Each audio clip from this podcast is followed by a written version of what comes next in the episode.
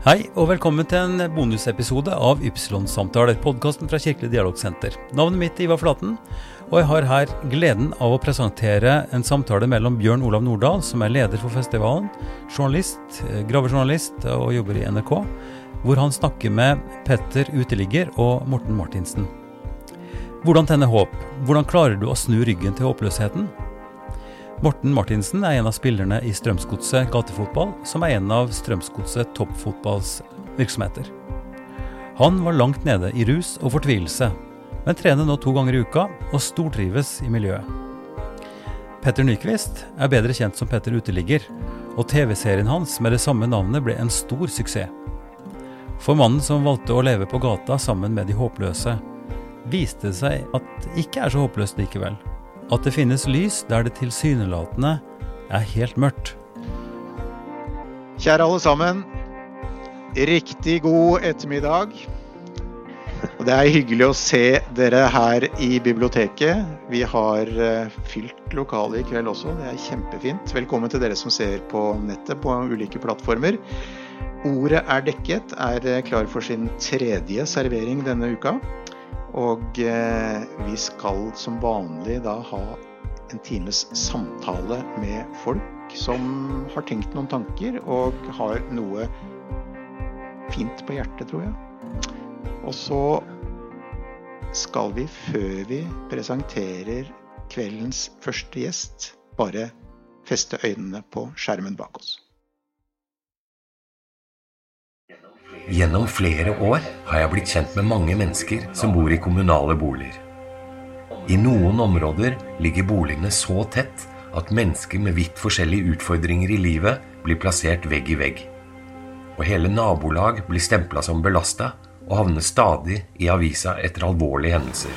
Oi, shit.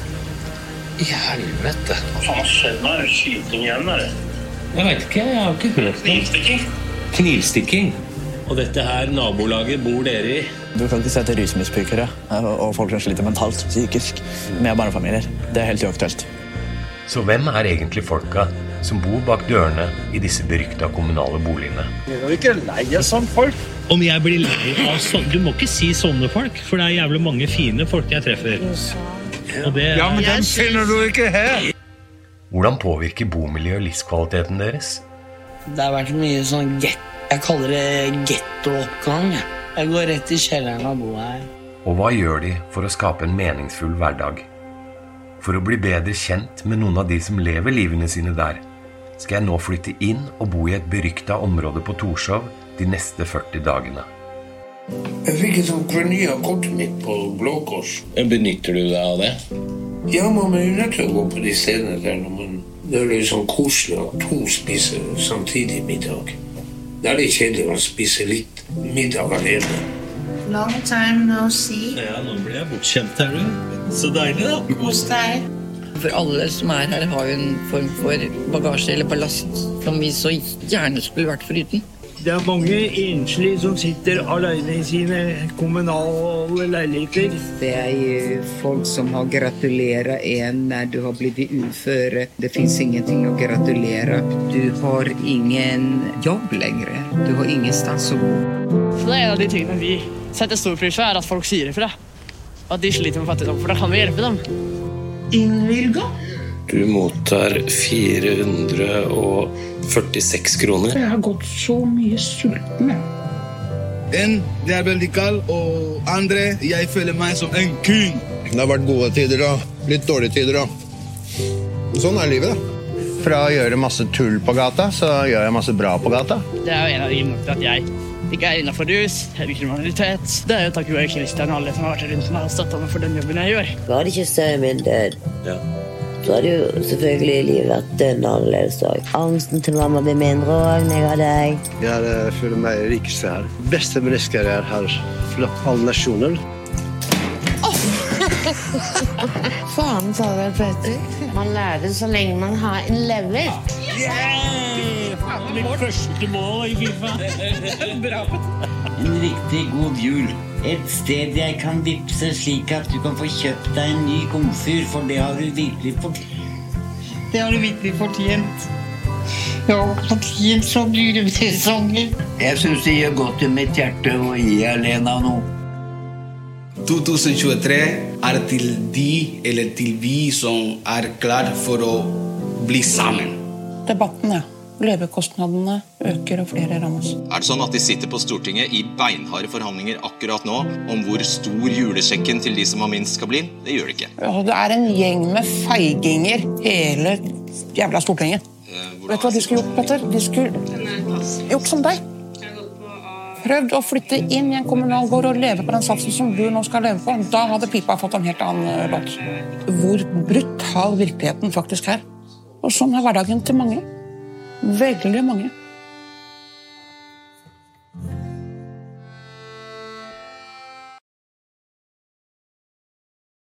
Var du sulten noen dager?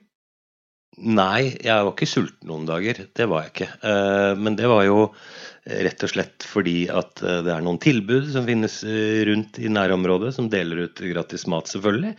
Og så hadde jeg jo hun Lena, nabodama, som starta å komme på døra mi og gi meg mat.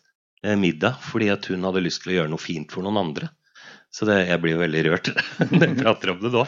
Men, eh, men eh, nei, jeg, jeg var ikke det. Men det ene er for min del, ikke sant? det var 40 dager, det er ingenting sammen når jeg dro på gata. Det er bare en liten bruddstykke. Jeg er ikke ufør, jeg er ikke, er ikke syk, ikke sant. Men, og det er noe helt annet enn for de som står i det hver eneste dag. Mm. Eh, og det var jo det jeg ønsket å skildre, da, men for min måte å gjøre det på er å prøve å komme på en måte så tett som mulig som jeg kan, da, med den forutsetningen jeg har. da.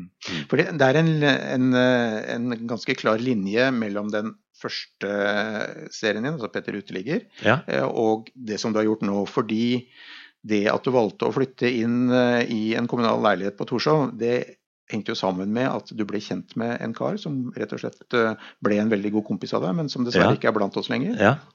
ja, det var Christer. Han ble jeg kjent med tror jeg det var første eller andre juledag på det som heter Alternativ jul, som er et arrangement i Oslo på Folkets hus. Som arrangeres eh, hvert år for de mennesker som faller utenfor en såkalt tradisjonell familiejul.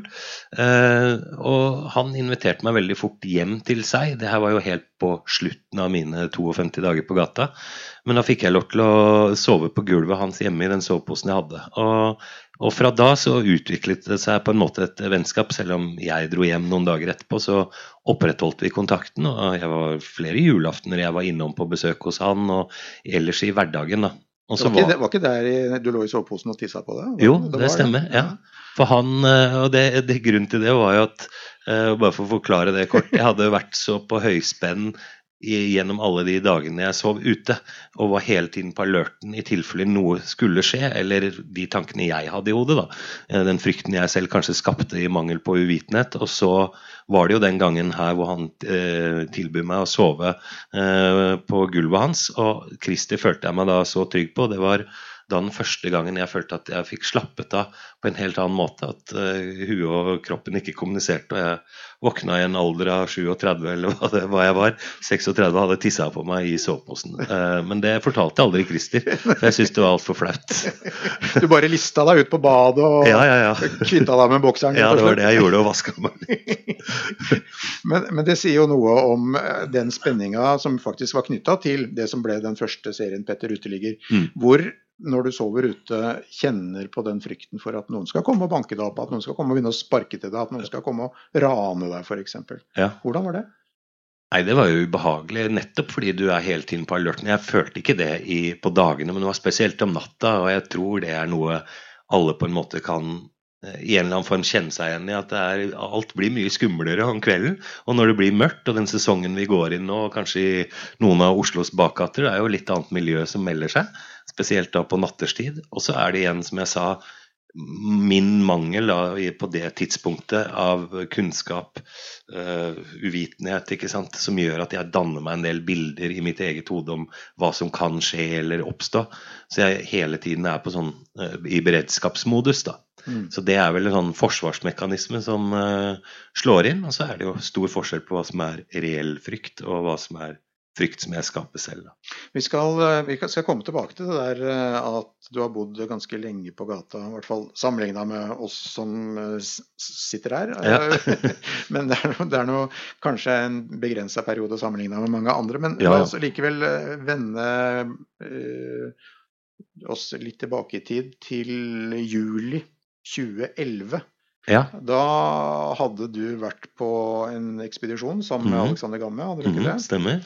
Eh, Det er han med det store håret? Ja. ja. Krølla, som jeg kaller han. du kaller meg for Krølla, Ja, ja. ja. Eh, Ekspedi altså ekspedisjonsmann det også, ikke sant? Ja. Dere hadde prøvd å bestige K3 mm. som de første nordmennene noensinne, Ja. og det gikk ikke så bra. Nei, det gikk ikke så bra. Så dere dro på en annen ekspedisjon istedenfor? Fortell. Ja, det var vel i et sånt svakt øyeblikk på denne etter vi skjønte at eh, vi ikke klarte å nå toppen og måtte returnere etter å ha vært i fjellet i halvannen måned eller hva det var. Så gikk vi litt inn i oss selv, og dette et sånn sårbart øyeblikk hvor du savner egentlig alt. Hvor vi da tenkte hva er det vi savner her og nå? Og det var jo da liksom ok, god mat, ikke spise frystørra mat, et sted det var varmt, kanskje noen damer, kanskje noe festing. og da kom den ideen at nei, vi må gjøre noe helt annerledes. Vi er lei av å gå på fjelltopper og lange skiturer. Og da dukka faktisk ideen opp om at vi eh, neste år så skulle vi krysse Las Vegas på langs eh, med ekspedisjonspulker påmontert skateboardhjul. Så det, det var liksom starten på eh, der hvor ideen ble utvikla der, da. Nå skal det sies at dere har vært på et par andre interessante ekspedisjoner også. Mjøsa på tvers i badekar, f.eks. Ja, ikke på tvers, men vi prøvde på langs. Ja, okay. Men det ble bare med fire dager, og så måtte vi gi opp. Vi kom til Vingrom, eh, så vi kom ikke så veldig langt. Vi hadde gjennomsnittshastighet på 0,8 km i timen. Så det ble mye padling og ja. Ja, og Trondheim-Oslo på veltepetter. Ja, det gjorde vi også. Og det, men det er, eh, dette har utviklet seg etter hvert, og det har blitt en sånn tradisjon for oss. Så den, eh, altså den første uka når det eh, skolen tar slutt, altså etter som, eller når sommerferien starter, da har vi en hel uke for oss sjøl hvor vi kan finne på et eller annet rart eh, som vi syns er gøy, og kanskje andre syns er rart. Men det gir oss i hvert fall mye. Ja, det å altså- leke litt er, morsom, er viktig, da. F.eks. Akerselva hele veien ned i en oppblåsbar Ja, ja, helt fra langt oppe i Nordmarka, men oppblåsbar sånn enhjørning. Ja.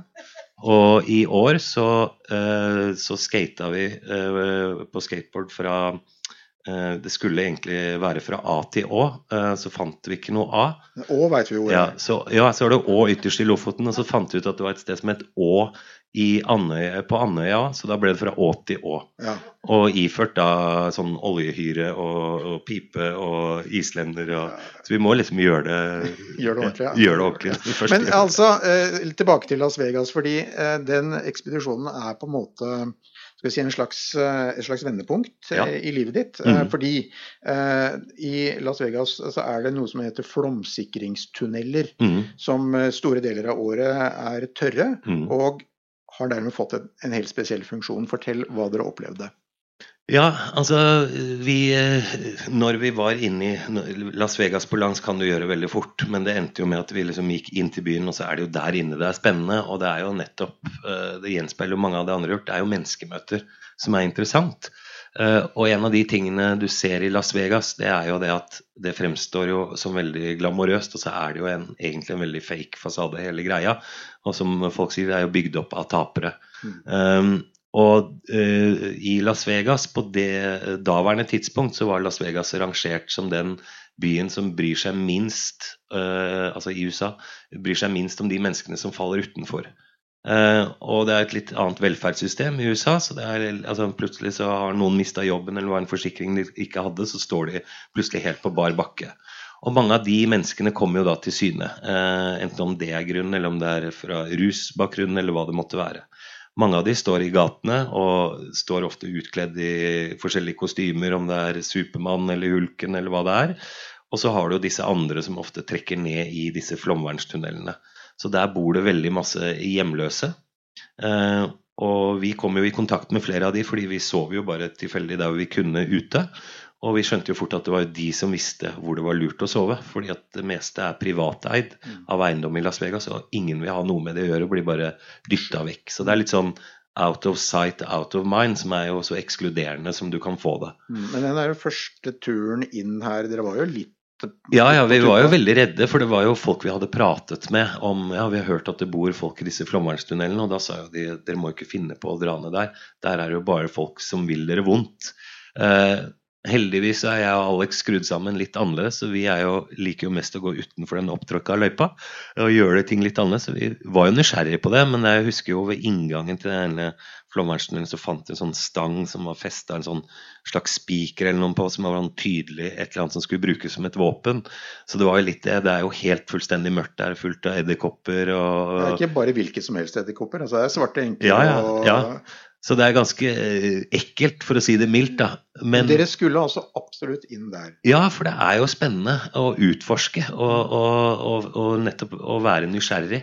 Eh, Så vi kom inn der, og så traff vi jo Nå var det vel å merke ikke så mange som bodde der akkurat på daværende tidspunkt, for det gikk noen eh, med folk vi hadde prata med som benytta det som et hjem. da, At staten hadde da åpna disse slusene for å skylle ut litt folk.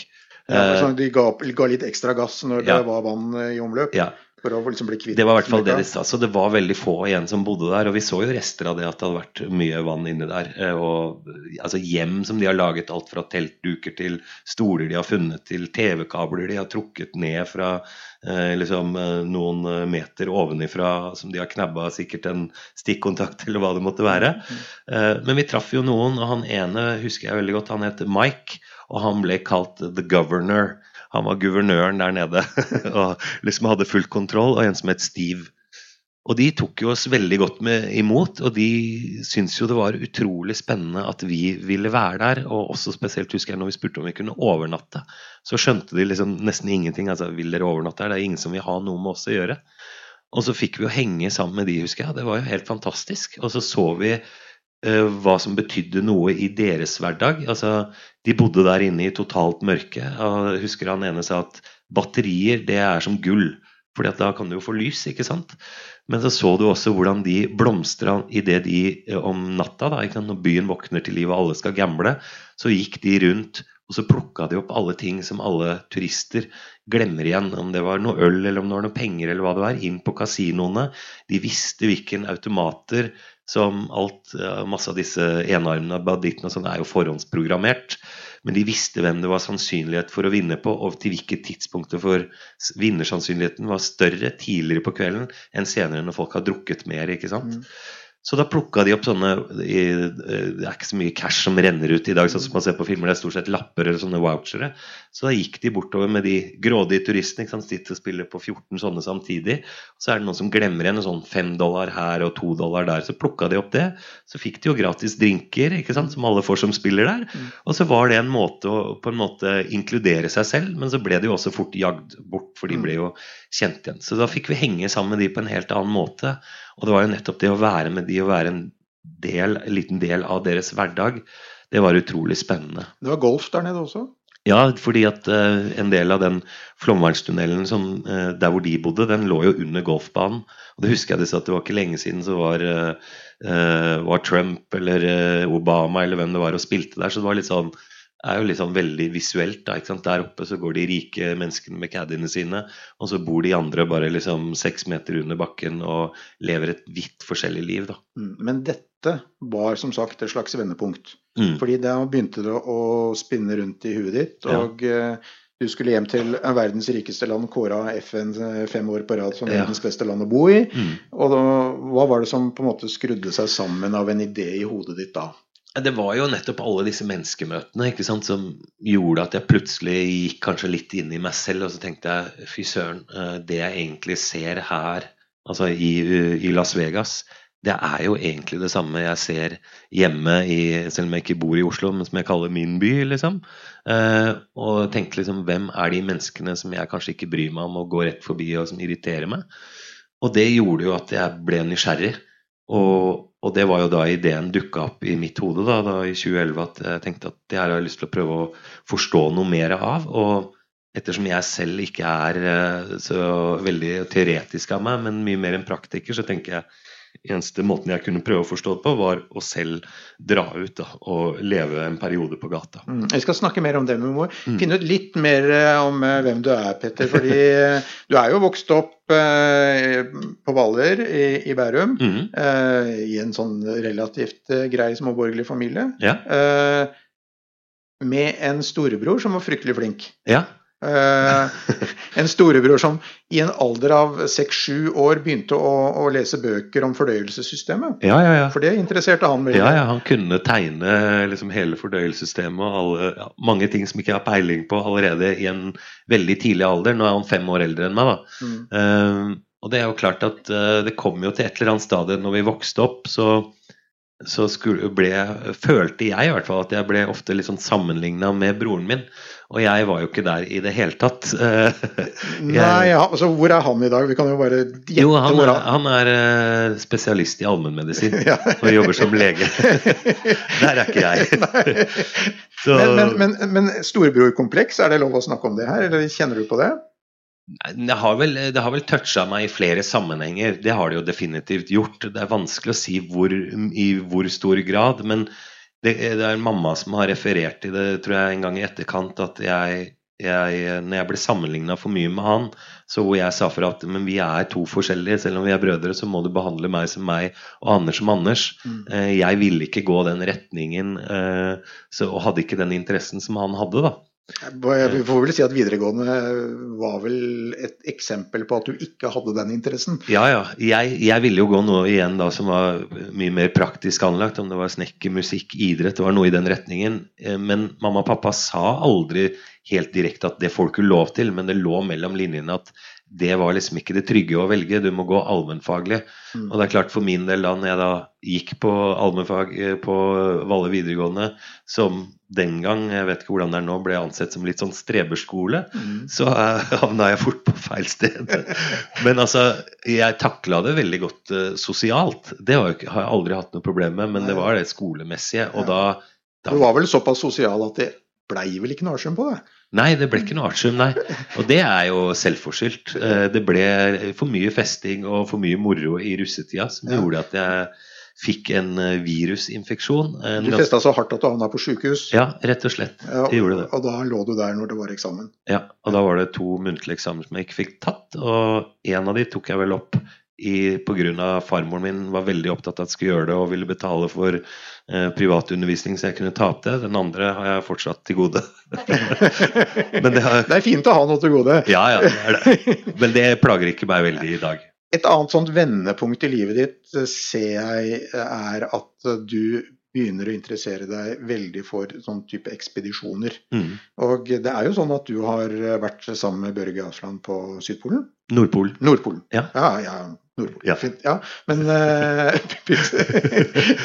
men Og har vært på Mount Everest. Ja. eh, Og massevis av andre ekspedisjoner. Mm. Det er også en slags vendepunkt for det. Så vidt jeg skjønner, så handler det om mestring for deg. Ja, og, og det starta jo eh, tilfeldig ved Jeg skal ikke ta en lang historie, men eh, jeg kom i kontakt med en som hadde vært med Børge Ausland på ekspedisjonen til Nordpolen. Eh, og så fikk jeg høre om det, så tenkte jeg at det hørtes interessant ut. Eh, lang historien kort, så kontakta da Børge meg når han fikk vite det gjennom han jeg traff, og spurte om kunne du tenke deg å være med. Og det husker jeg bare ble helt satt ut. Da var jeg jo 20 år den gangen jeg fikk det spørsmålet. Og så tenkte jeg ja, hvorfor ikke? Hvor ofte er det du får muligheten til det? Og det var jo ikke det at det var gratis, det var ikke det. Det kosta den gangen en haug av penger som jeg absolutt ikke hadde. eh, og gjorde meg gjeldsslav i mange år etterpå til banken. Men det var Takk en annen skal du ha, Børge. Ja, ikke sant? Men, eh, men det som skjedde, var jo at husker jeg når jeg var der oppe, eh, når jeg var da 21 år og den turen ble gjennomført, så følte jeg på en mestringsfølelse på en helt annen måte enn jeg hadde noen gang følt tidligere. Eh, Jeg følte jeg klarte å håndtere det å være ute i de omgivelsene, både fysisk og mentalt. Og at eh, det er noe du fikk til. Gjennomføringsevnen. Og det, eh, det hadde jeg kanskje ikke følt i nærheten av på skolen. Så det var noe som skjedde med meg da hvor jeg tenkte det her liker jeg, og det gir meg noe. Det her må jeg fortsette med. Mm. Så det var liksom starten til disse turene som gjorde at jeg valgte å fortsette å dyrke den interessen i stor grad. Da. Ja, og Så endte opp i en litt spesiell ekspedisjon da i Las Vegas, og så kommer du hjem. Og så, eh, hvis vi nå bare drar en liten parallell, for når dere skal eh, ut på disse ekspedisjonene, så pakker man jo sekk i veldig veldig, altså Det er veldig sånn puslespill. Alt mm. som skal være veldig veldig, veldig planlagt. Mm. Eh, og så er det da, når du skal bo 52 dager på gata, Mm. så skal du også pakke en sekk. Ja, Ikke mye du skal ha med deg da. Nei, det var ikke noe sekk engang. det var, eh, altså Da dro jeg jo hjemmefra bokstavelig talt i det jeg står i sånn som nå, bare med en jakke. Og så hadde jeg et videokamera, og så var det vel eh, Jeg hadde ikke noe penger. Eh, Jeg hadde ikke noe sovepose, ikke noe liggeunderlag, ingenting. Det var det jeg sto og gikk i, prinsippet. Mm. og, den, og, og tanken med at jeg heller ikke skulle dra hjem, jeg skulle ikke ha noe kontakt med familien. Alle de reglene, for å kalle det, det var jo bare noe jeg lagde selv for meg. Eh, og det henger nok igjen fra de ekspedisjonene som Noe av de ekspedisjonene som tels i det store og det hele er f.eks. å gå uten etterforsyninger alene, eller hva det måtte være, til, eh, fra A til B. Det skulle ikke være noen etterforsyninger på gata i Oslo. Nei, nei, det skulle ikke det.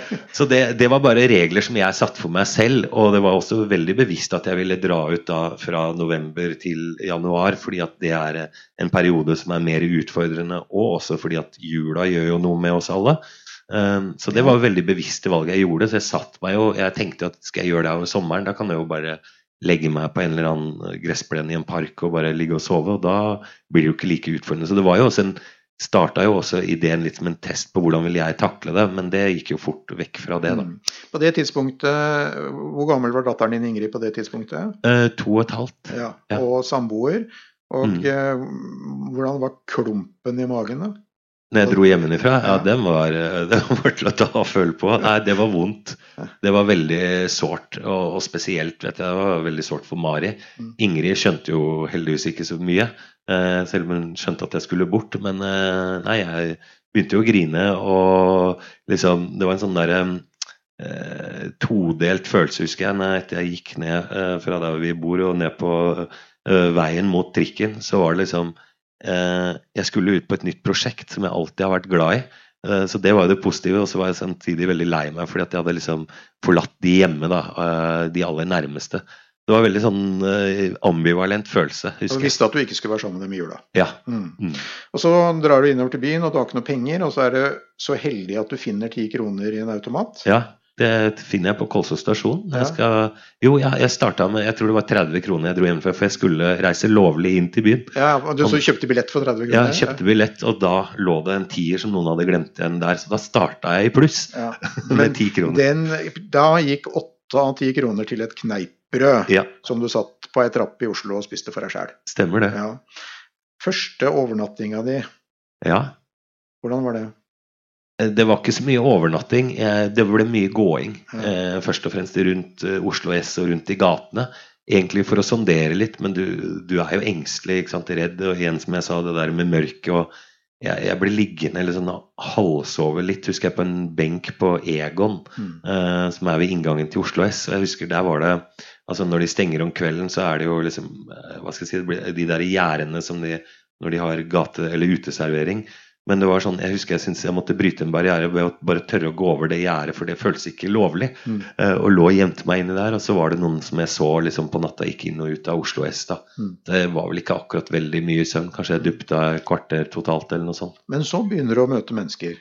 Ja, det, det, det interessante var jo at allerede etter uh, ett døgn så treffer jeg jo Svein.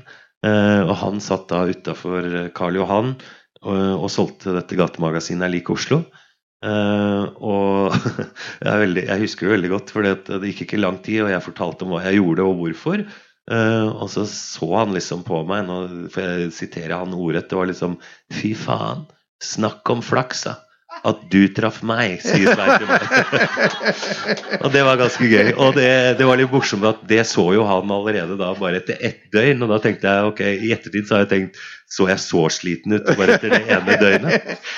Og det er jo ganske gøy, for det ble jo starten på et vennskap som jeg går fra en tilfeldig person jeg møter, og er faktisk den første, til at i dag så så er jo Svein som et slags, slags familiemedlem i vår familie. Ja, han bor jo nede på Hvaler nå, og dere drar og besøker Ja, ja, ja. om sommeren. Og dere drar på badeturer, og ungene elsker Svein og alt. Så det er jo. Mm. det er jo en solskinnshistorie. Men det er klart eh, Det var jo sånn at eh, Svein sørga for at du fikk sove litt ordentlig.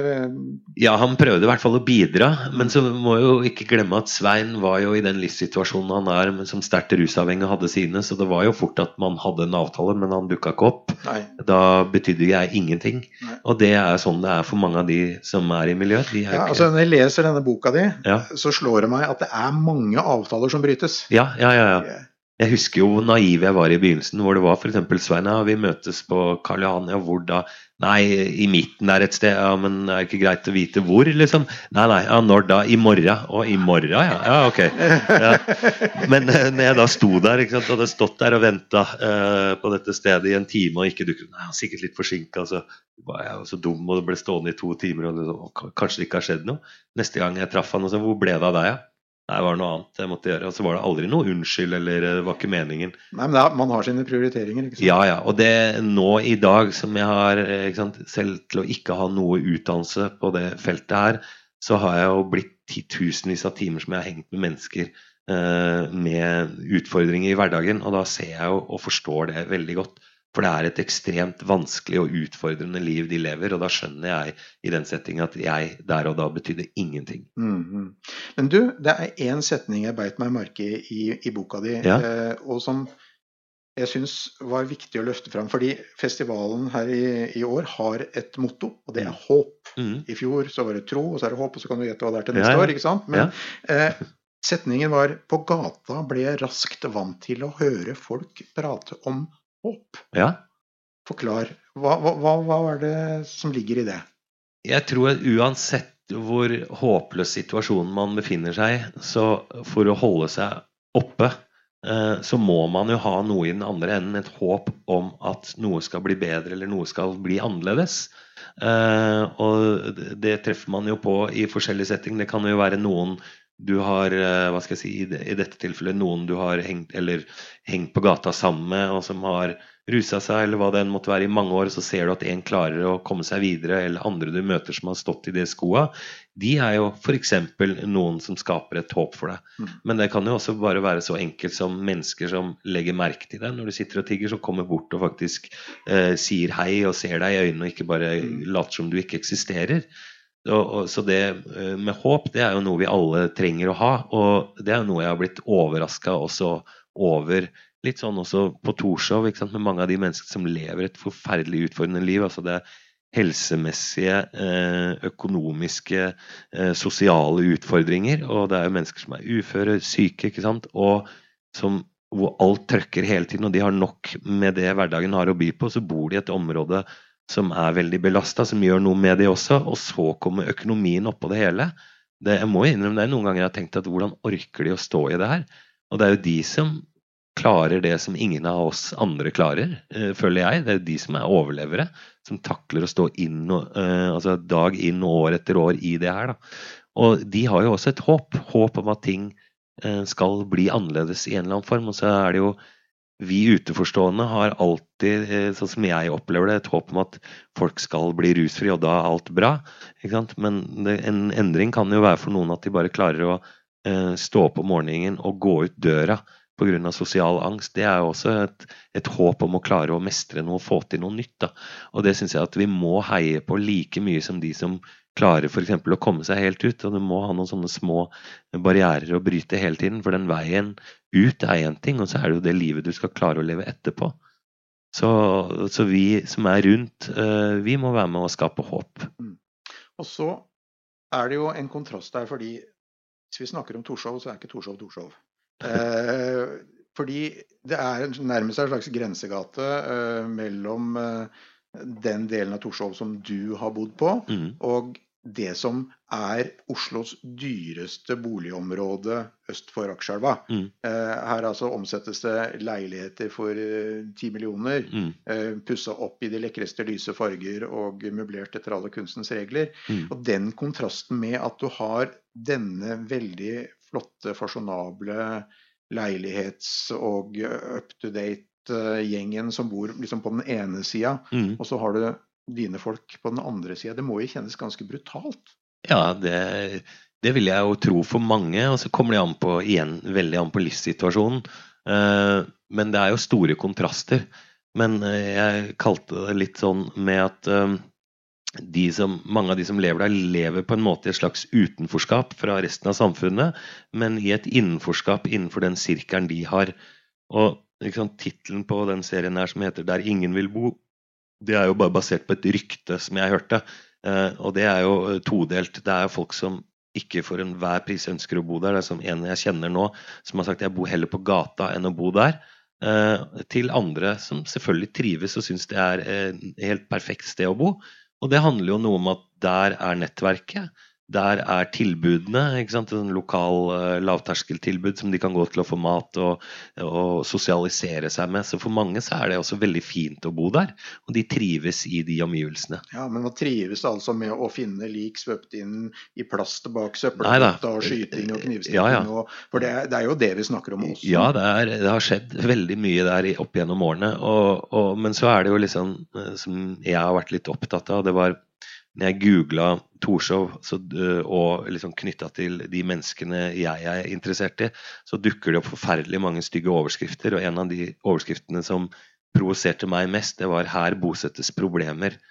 Fordi at hvem er egentlig problemet? Er det de som bor der, eller er det levekårene?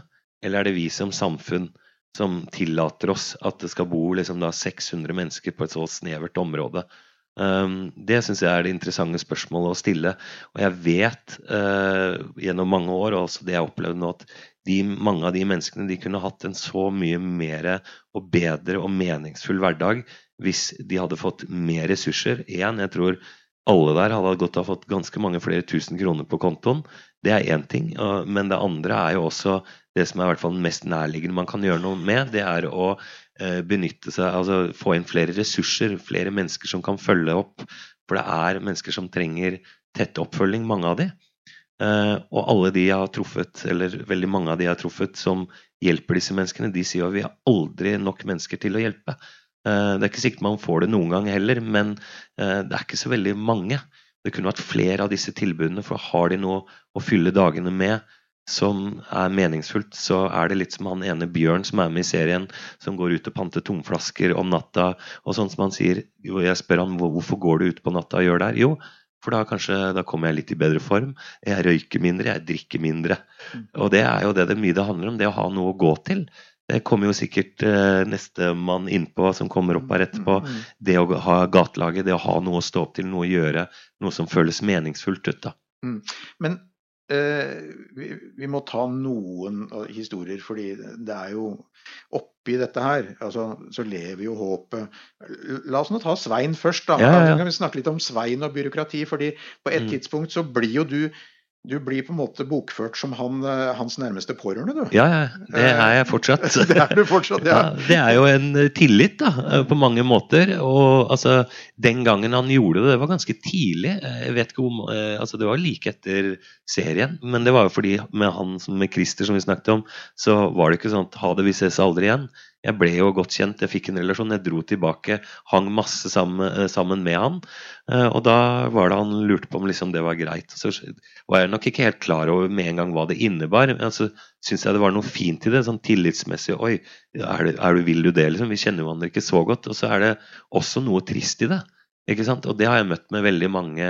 At det ikke finnes andre enn Ja, at det ikke er andre. Og at oi, jeg har truffet deg, jeg har snakket med deg, møtt deg tre ganger, og så ønsker du å ha meg som pårørende. Det sier jo litt om situasjonen rundt, da, tenker Men jeg. så skal altså Svein flytte bostedsadresse fra Farsund til Hvaler. ja. Og du som nærmeste pårørende, du skal møte byråkratiet. Ja. For Svein som ikke har bank-ID eller noe som helst. Ja, ja. Nei, det er, det er håpløst. eh, Og eh, eh, hva skal jeg si, jeg vet ikke hvor jeg skal begynne engang. Eh, og det var litt på samme måte jeg følte det. Fordi ok, det er alt fra TT-kort, det er adresseendring, det er alt med Nav å gjøre. Og, eh, skal vi søke om tilskudd til flytting, til nye møbler, det ene og det andre. Og jeg selv er jo ikke noe veldig glad i skjemaer. eh, bare for å sagt Jeg har hatt med Nav to ganger å gjøre i mitt liv, og det er pappapermisjon. Første gangen fylte jeg ut det skjemaet selv, og jeg, jeg, er nesten kvalm. Jeg tuller ikke. Altså, jeg, jeg får det helt opp i halsen, for det er så tungvint og rigid. Uh, og da ble jeg bare irritert. Neste gangen som jeg da skulle ha pappapermisjon når Marius ble født, så uh, skulle jeg ha gradert permisjon, og da ble det enda mer utfordrende. Og da betalte jeg noen for å gjøre det for meg, for jeg orka ikke. Så det sier litt om min tilnærming også. Da, Du og. Svein var en god match her. altså. Ja, ja. Så nei, det bød på masse utfordringer. Og for å nevne noe, det var litt det med flyttingen og kunne søke om midler til transport. Og da ender jeg bare å si eh, sier det, fuck det. Altså bare leide jeg en bil på Bærum bilutleie, og så kjørte jeg ned av egen lomme, og så kjørte jeg ned, plukka opp Svein, og så flytta vi og gjorde det. Men så kommer det jo til andre situasjoner som han ikke er alene om. Da. Altså, eh, Misforstå meg rett, eh, han er kanskje heldig da som har meg der. Det er veldig mange som ikke klarer det der selv. Eh, Men f.eks. han skulle ha internettabonnement der hvor han bor. da. Og han er jo ikke kredittverdig, så han kan jo ikke tegne det. Og hva gjør du da? Både med det og telefon, f.eks. Og da skulle jeg begynne å ordne internett til han, og så var jeg på jakt etter å finne det aller billigste abonnementet til han. Så fant jeg noe, men da innebar det at de måtte drille et hull i utsida og trekke en ledning inn. ikke sant? Og da måtte jeg ringe da, jeg husker ikke hva det er, boligveiledningskontoret, som satte meg videre til noen andre. som sier at... Du at skulle det- spørre om å få lov til å bore hull. ja, jeg måtte bare høre. Nei, det var jo ikke greit. Så må de innom 14 ja, setter jeg på spissen, ja, måtte innom flere instanser til at du får slutt vite at det går ikke. Og da merker jeg at det blir så tungvint. Og så er det også med mennesker i den situasjonen. Hvorfor kan ikke da i denne husleia være inkludert TV-abonnement, strøm, internett f.eks.? For, for det blir dratt ut av kontoen med en gang. Eh, For ikke å snakke om hva prisene er på disse boligene, som er helt hinsides. og alt du må søke om av bostøtte, og det ene som er en varierer hele tiden, som gjør det veldig uforutsigbart. Så det er, det er en papirmølle uten like. Du, la oss snakke litt om eh, noen som har opplevd tragiske ting, eh, men som snur på det. Vivian. Mm. Vivian som bor utafor Oslo. Ja. Drar hver dag inn til, eh, Ja. til byen. Du møtte jo henne også. Ja, jeg, jeg møtte Vivian. Hun ble jeg kjent med på, i Er lik Oslo sine lokaler, der hvor de som selger Er lik Oslo kommer inn og kjøper bladene sine. Og Vivian hun, eh, hun kom dit fast en dag i uka og hadde laget alle mulige retter av mat ikke sant? og, og knytta veldig nærme bånd til veldig mange av de selgerne. Um, og det er en utrolig hyggelig ting, og jeg så hvor mye det betydde for henne. Det ene er den maten og alle de gode samtalene hun uh, får med de enkelte. Eh, men så så man jo også etter hvert at for meg så følte jeg, når jeg fikk vite litt mer, så handlet det om hennes egen datter som hun mistet i rus en del år tidligere. Så det var på en måte også en slags sorgprosess, og det eh, hjelp til eh, selvhjelp, da. Fordi hun ville snu det at hun hadde mista datteren i rus, Ja, det ville hun snu til noe positivt for seg sjøl og for Ja. andre. Mm. Og det er der jeg liksom tenker Petter oppi dette. Hva gjør dette med deg? Når du møter alle disse folka Eh, du, du, du fremstår jo som en fyr som er litt sånn happy-go-lucky, drar på ekspedisjoner, har det moro sammen med Alexander Gamme og gjør mye Mm. moro. Mm. Men så plutselig så er du uti eh, noen som på en måte har livet som sin største oppgave å prøve å overleve. Mm. Hva, hvis du skal sammenligne deg sjøl der du er i dag med da du begynte på dette Jeg visste nok ikke hva jeg egentlig be- bega meg ut på. Men det kan du si at endevendene var jo nettopp de to første prosjektene hvor jeg dro på gang For det gjorde noe med meg. Det gjorde noe med mine eh, holdninger og syn på mennesker i utfordrende situasjoner. Og ikke minst mine egne verdier. Og som jeg også tenkte at hva er det jeg kan gjøre for å bidra til andre? Og det handlet ikke Mange tror jeg bare lager TV eh, og dokumentarer, og det gjør jeg ikke. I dag er det jo en lidenskap 24-7, liksom. Eh, jeg driver en stiftelse ikke sant, som jeg jobber frivillig med. Eh, jeg satt i en samtale på veien hit. Gudskjelov holdt jeg på å si for at det var kø. Det var en time samtale med en dame jeg kjenner. Det var veldig hyggelig, og det er også, men også tunge ting. Eh, til en jeg rakk en ti minutters samtale helt på slutten. Så det går sånn hele tiden. Så jeg blir jo revet inn i hverdager som kan være veldig brutale, men i mye av det så er det jo utrolig mye fint. Og det er jo det jeg velger å fokusere og dyrke, og så prøver jeg å kunne bidra eh, med det jeg kan. Det å kunne kanskje være en brobygger som du sier at du, jeg lurer på det og det. Nei, jeg kan ikke de Nav-reglene, men jeg kjenner en som jobber i Nav. Eh, skal jeg høre om du kan snakke med henne? Eh, ikke sant? Og, og det å rettlede kanskje folk i en retning. Og så er jeg jo veldig åpen for dette er til tider så får jeg veldig mye tungt og mye vanskelig. Alt fra selvmord til det ene og det andre, hvor du sitter der og shit, det var jeg ikke forberedt på i en helt annen situasjon eh, hvor jeg gjør noe helt annet. Ja, du går i en del begravelser her, skjønt? Ja, det har dessverre blitt det opp gjennom årene. Eh, men, eh, men ja, jeg tenker jo liksom Kanskje hvis jeg kan gjøre og være den lille som kan være med å bidra i en eller annen positiv retning, at jeg i hvert fall var den som ville lytte eller høre, så kan jeg i hvert fall være med og kanskje gjøre en liten forskjell den dagen, om den så er så liten. Så det har liksom blitt et sånn motto, da. Og, og på godt og vondt, for det kan være litt farlig, for jeg klarer jo ikke å stoppe. Uh, men, uh, men ja, For de ringer når du er på fotballkamp med ungene dine? Ja, ja. Det, det er til alle døgnets tider, og det er overraskende. Eh, altså, det sier jo litt også om hvordan ting er bygd opp. Det er jo åtte til fire. Men de fleste som ringer sånn, det kommer jo ofte på kvelder. Det kan være på natta og veldig mye i helger. Eh, så det handler om å være til stede i hvert fall den grad jeg kan. Og de menneskene som jeg kjenner godt, de har også igjen eh, full forståelse for at jeg har barn og jeg lever eh, eller er i den settingen, og at jeg også kan si at nå passer det litt dårlig. Og, det handler jo om å bare være kjent med folk, så har de full respekt for det også. Mm. Men jeg har jo, jeg kan jo nevne det bare som en litt sånn morsom ting. Med, eh, jeg har litt som jeg har sagt til flere, at eh, ringer du en gang jeg ikke tar den, eh, da ringer jeg liksom det har tiden. Ringer du tre ganger liksom etter hverandre, da er det krise. Og så var det en fredag, det er noen år siden nå, og jeg satt hjemme og spiste taco eller hva det var med familien. Så ser jeg Christer ringer. Og så bare eh, liksom, skrudde jeg av lyden, og så ringte det en gang til og en gang til. Og da tenker jeg ok, nå er det krise. Så tar jeg telefonen og ringer og så 'Å, Petter, Petter, jeg må fortelle deg noe.' Så, 'Hva er det som brenner nå', liksom? 'Nei, eh, nå er jeg så glad, for nå har jeg klart å spart meg opp masse penger og har betalt ned på gjelda mi for første gangen i livet mitt'. og så var jeg innom, han hadde begynt å jobbe på det som heter Er lik kaffe, og da hadde han fått så mye ekstra drive, og det ga han så mye. Så han fortalte oss at nå skal jeg innom en kafé på Tøyen og spørre om jeg kan få ekstrajobb der, for jeg må jobbe mer. Det er så moro. Og det var bare det. Ok, ha det!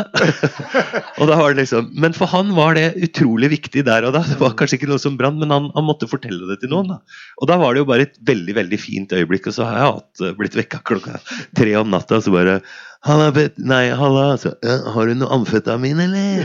Og så bare Nå har du ringt Petter. Å, faen. Ja, halla. Så, jeg har fått de òg, da. Så det er på godt og vondt. Nå skal vi invitere inn den neste gjesten vår, fordi eh, noen av dere har kanskje kommet for å høre Jørgen Isnes. Han ligger hjemme med noe som ligner på korona. Så vi har gjort en liten vri på dette og har invitert en gjest som jeg tror matcher eh, Petter minst like godt.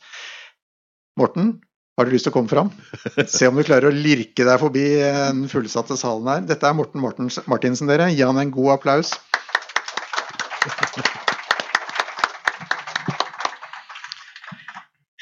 Hva tenker du når du sitter og hører på Petter her, da? Uh, skal vi se Er det lyd i det? Ja, ja. Nei, en eh, gløgg, flink kar. Fulgt med på det meste av det han har gjort. Dere har faktisk truffet hverandre før, fordi du er her fordi du spiller på noe som heter Gatelaget til Strømsgodset. Ja. Eh, og eh, kort fortalt, hva er Gatelaget for noe? Eh, det er et tilbud for folk som sliter eller har slitt med rus eller psykiatri. Tre ganger i uka. som er på Gullskogen i Drammen. En del av Strømsgodset toppfotball. Så du er toppidrettsutøver? Ja. Mm.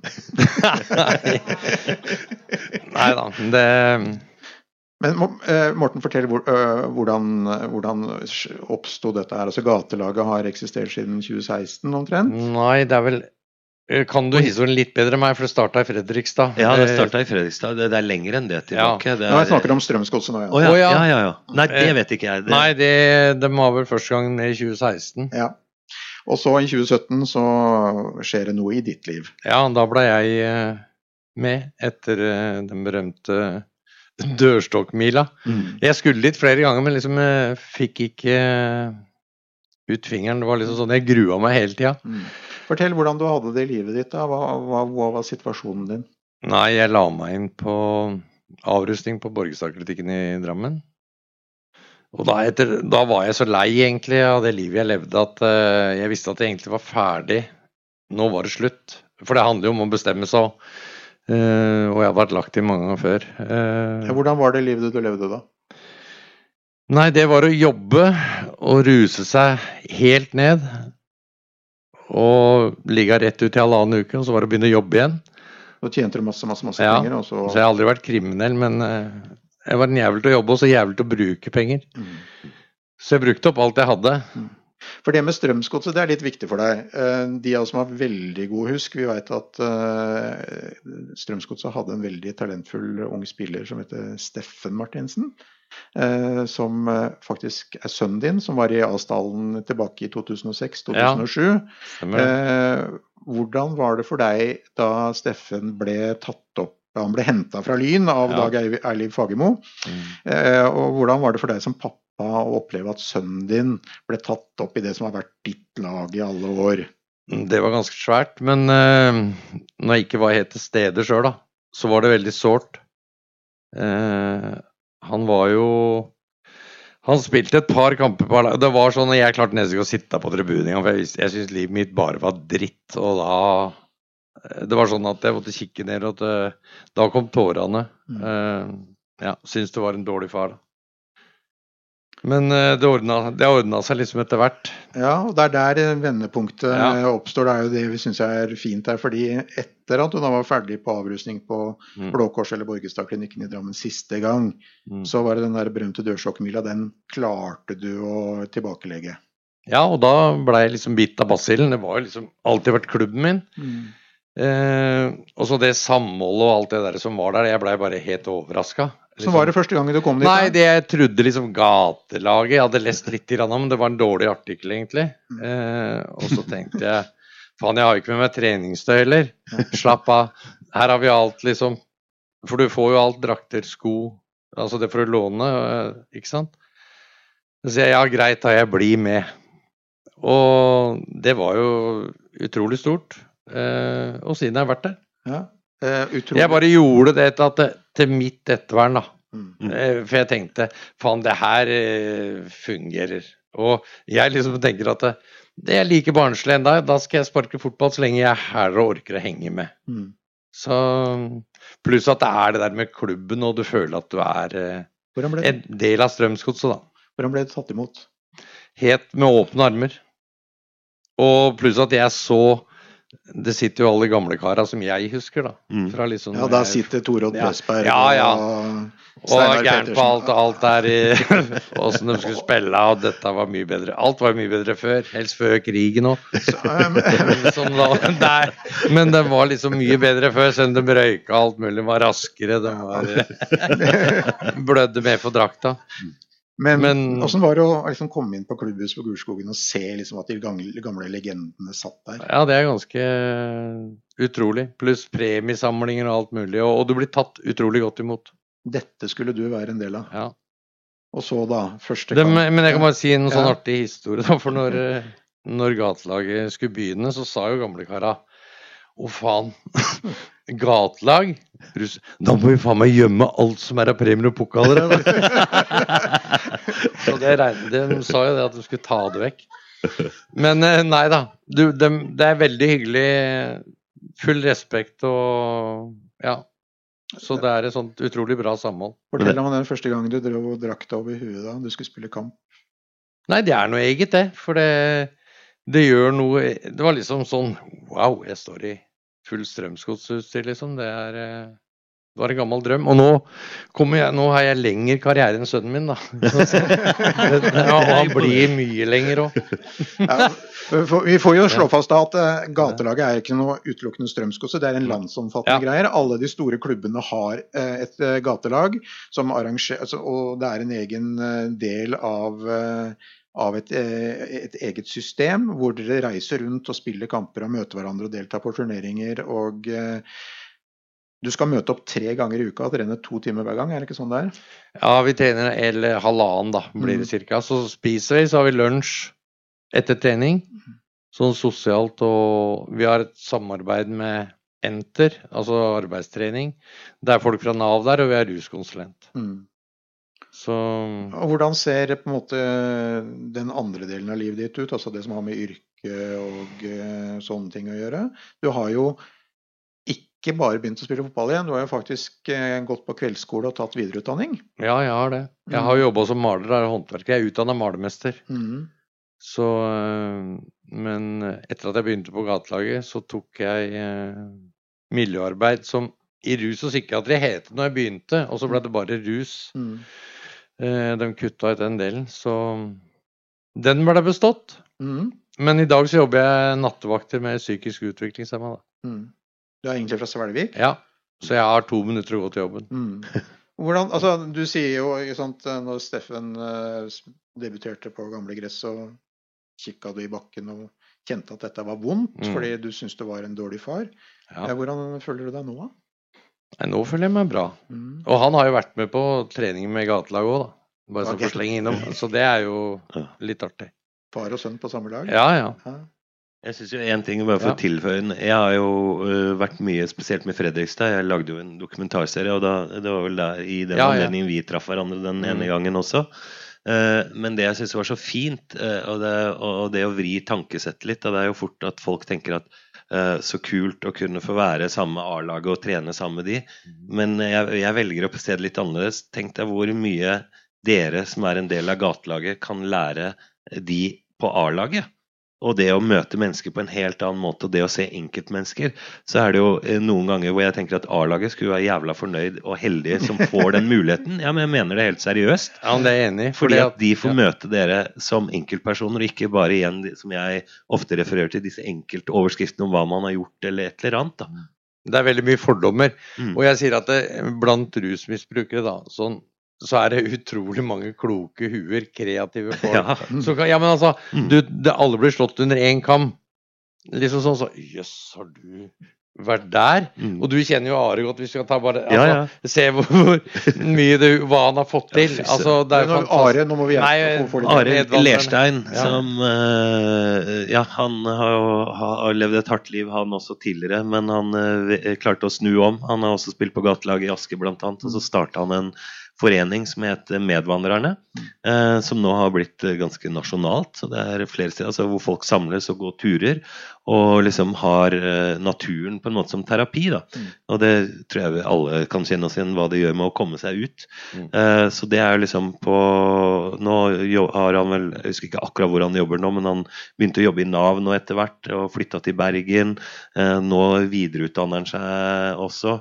Så det er en enorm ressurs, og det er jo som du sa, veldig mange av de menneskene jeg har, når du tenker på hva de klarer å prestere når de er på altså, feil side av loven, for å kalle det det, alt du må gjøre og orge å få til, og så får du omvendt de ressursene til noe positivt, så er det en enorm arbeidskapasitet da, uten like. Ja, for det er utrolig hva folk gjør for å skaffe seg den neste dosen Ja, ja, ja. eller den neste flaska eller hva det må være. ja, ja. Mye kreativitet der som kan brukes til noe helt annet. Og der tenker jeg det er et sånn tips, da, synes jeg, til eh, altså, Fordi at igjen, som jeg syns er så viktig, det ene er å, som mange jeg har pratet med, i hvert fall ene å holde seg rusfri når du er på institusjon eller i fengsel, det er jo ikke noe vanskelig, men det er jo det livet etterpå.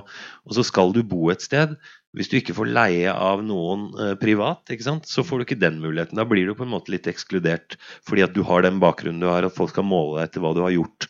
Og så kommer det jo sammen med jobb òg. Og det er jo liksom, Bo er en veldig grunnleggende ting eh, som vi alle trenger. Og det å ha noe å gå til, enten om det er da på fritiden eller om det er et sted å jobbe. Sånn at arbeidsplasser må også være mer aksept for mennesker med en annen bakgrunn, hvis vi skal kunne inkludere dem og få dem tilbake til samfunnet. Og Der har vi en lang vei å gå. Jeg syns jo det skulle vært en, en lov jeg, som var pålagt at er det så og så mange i bedriften din, så er du pålagt å ha så mange mennesker som har en annen bakgrunn. For de kan også tilføye ganske mye på samme måte som jeg nevnte Ja. med A-laget til, eh, til bedriften. Men eh, Ja, hvorfor ikke? Hvorfor ikke gjøre det sånn at Nav betalte halv den lønna, eller sånn, for å komme det- få et bein innafor. Si at dette er mennesker som fungerer. Ja. Så- Men du, når du kikker rundt ja. deg på lagkameratene dine på gatelaget, hvor mye håp ser du? Masse. På hvilken måte da? Nei, jeg ser jo at folk klarer å rette ryggen, og, og jeg ser på samholdet. Det der at folk bryr seg mye om hverandre. er Veldig viktig, og det blir sett, da.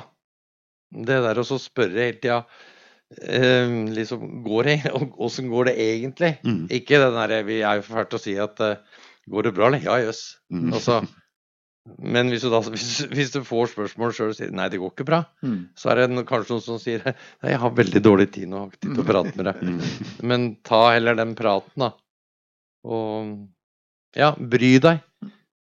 For du ser det er så lite som skal til. liksom bare du Bør ikke spørre og grave, men sett deg ned og så fortell kanskje litt om deg sjøl isteden. Eh, og si at jeg har hatt, nå har jeg hatt to dager som ikke er noe særlig bra. Så kommer det som regel, og i- by litt på deg sjøl. Mm. Så er det jo sånn at uh, dette er jo ikke noe sånn absolutte krav om at du må holde deg rusfri totalt sett når Nei. du er med på gatelaget. Du skal være rusfri når du er på trening, når du er med på sosiale sammenhenger og det som er tilbudet.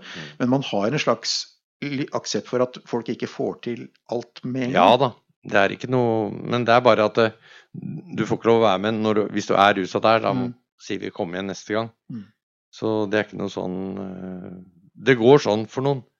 Reager- Men derfor så er det greit å være liksom Når du ser at noen får det til, så klarer alle det. Og jeg har sett folk som tror at det liksom Dette går aldri. Og det går. Mm. Det er håp for alle. Og så er det noe med det å gi folk en eh, sjanse. Det husker jeg med Ali Kaffe. Eh, Så hun Camilla, som den gangen var daglig leder i det som heter Stiftelsen Alik, som var Alik Oslo Alik Kaffe.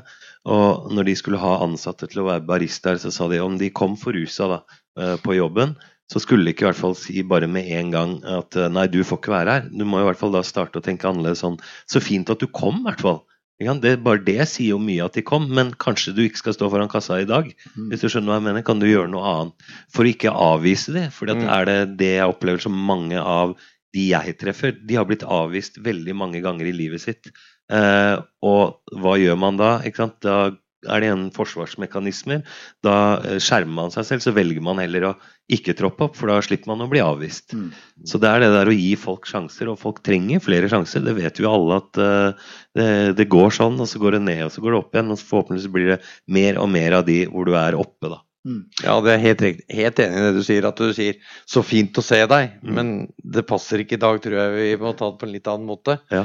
Eh, For det der kommer det sånn bryskt, som du sier at du har blitt avvist mange ganger, så er det bare Så snur du på hælene, og så ser du ikke mennesket noe mer. Redd for avvisningen, rett og slett. Ja, og så bruker man det mot bare idioter der, ikke sant, for Ja. ingen som skjønner meg. Mm. Så har man liksom en trøst i det at de var så bryske. Men Morten, jeg legger merke til eh, veldig interessant i språkbruken din. Du snakker hele tiden om vi når du snakker om gatelaget. Du snakker om vi når du snakker om Strømsgodset. Ja, det er ikke jeg som er gatelaget, nei, er nei, nei, men det som er interessant, er mer at du identifiserer seg så til de grader med dette at du kaller det for vi.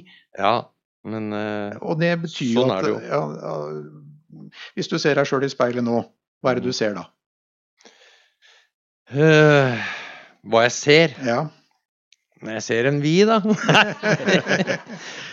Nei, men jeg, altså, jeg er så glad for å være der oppe. Eh, og det gir meg så mye, da. Så jeg har jo satt meg sånn Jeg kommer ikke til å slutte med det der, selv om at nå er jobben min og liksom alt har ordna seg. Jeg har ting på stell. Men det gir meg så utrolig mye å være der. Og jeg syns det er morsomt. det Liksom, jeg har bidratt masse frivillig og sånn på det jeg kan, da. Så Tenker du at du nå skal være litt det du trengte den gangen? Ja, det er veldig Det er oppstår for at jeg, jeg også var litt sånn eh, Du vet, når det har gått liksom nykter en stund, så blir det litt sånn hard eller det er, det er ikke det, liksom, det er bare å gjøre sånn. For jeg veit at jeg måtte være hard mot meg sjøl. Men, men eh, jeg har blitt mye mer sånn rolig, tar meg mye mer tid med folk, da. Og er mer på tilbudssida. For det Og så prøve å spørre folk før de spør meg om hjelp. Eller liksom prøve å lese litt, da.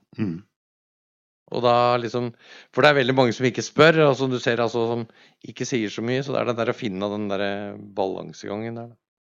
Og så handler det jo om tid. Ja. Eh, og i, eh, som jeg syns veldig ofte i samfunnet og eller sånn bedriftskultur så alt skal handle om å måles og effektivitet, og det har det blitt også mye mer, syns jeg, i helsevesenet òg. Og hvis man skal få til en endring eller gjøre noe for andre, så er det mye lettere når man har skapt en relasjon. Men for Mm. å skape en relasjon, så må du ha tid. Og når du kjenner meg, det er da du kan se at selv om ikke jeg sier noe, at jeg, du kan lese meg og si at jeg, 'Petter har det ikke bra'. Ja. Ikke sant? Men da må man ha den tida, da. Åssen er det å gå på godsekamper nå, da? Mm? Er det å gå på godsekamper nå? Du er rak i ryggen nå? Jeg er rak i ryggen, men det er ikke like moro å gå hjem med sånn. Spørs litt på resultatet. Men eh, Nei da, er er rak i ryggen, ja. Absolutt. Det er veldig fint å høre. og Tusen takk for at du kom, og tusen takk til deg også, Petter. Nå har det gått en drøy time. Tusen takk til dere som har fulgt oss her i, eh, på biblioteket i dag. Eh, Vi vender tilbake med en ny servering i morgen klokka fem. Da skal det handle om, og vi stiller altså spørsmålet, er det mulig å vise Putin raushet? Det kommer noen veldig fine folk som er eksperter både på Russland og på raushet. Så tusen takk for at dere kom, og så har vi noen blomster til dere to som eh, har deltatt eh, i samtalen i dag. Tusen takk skal dere ha, og takk for at dere kom, og så håper jeg vi ses i morgen klokka fem. Du har nå hørt den ene av til sammen fire samtaler i serien Ordet er dekket, som går under eh, Drammen Sacred Music Festival sin, eh, sitt program i 2023. Vi er veldig takknemlige for samarbeidet med Drammen Sacred, og er glad for å kunne publisere det her i vår podkast. Du finner også hele samtalen som ble strømma som video på nettsida vår www.ypsilonsamtaler.no. Så følg med videre. Vi høres.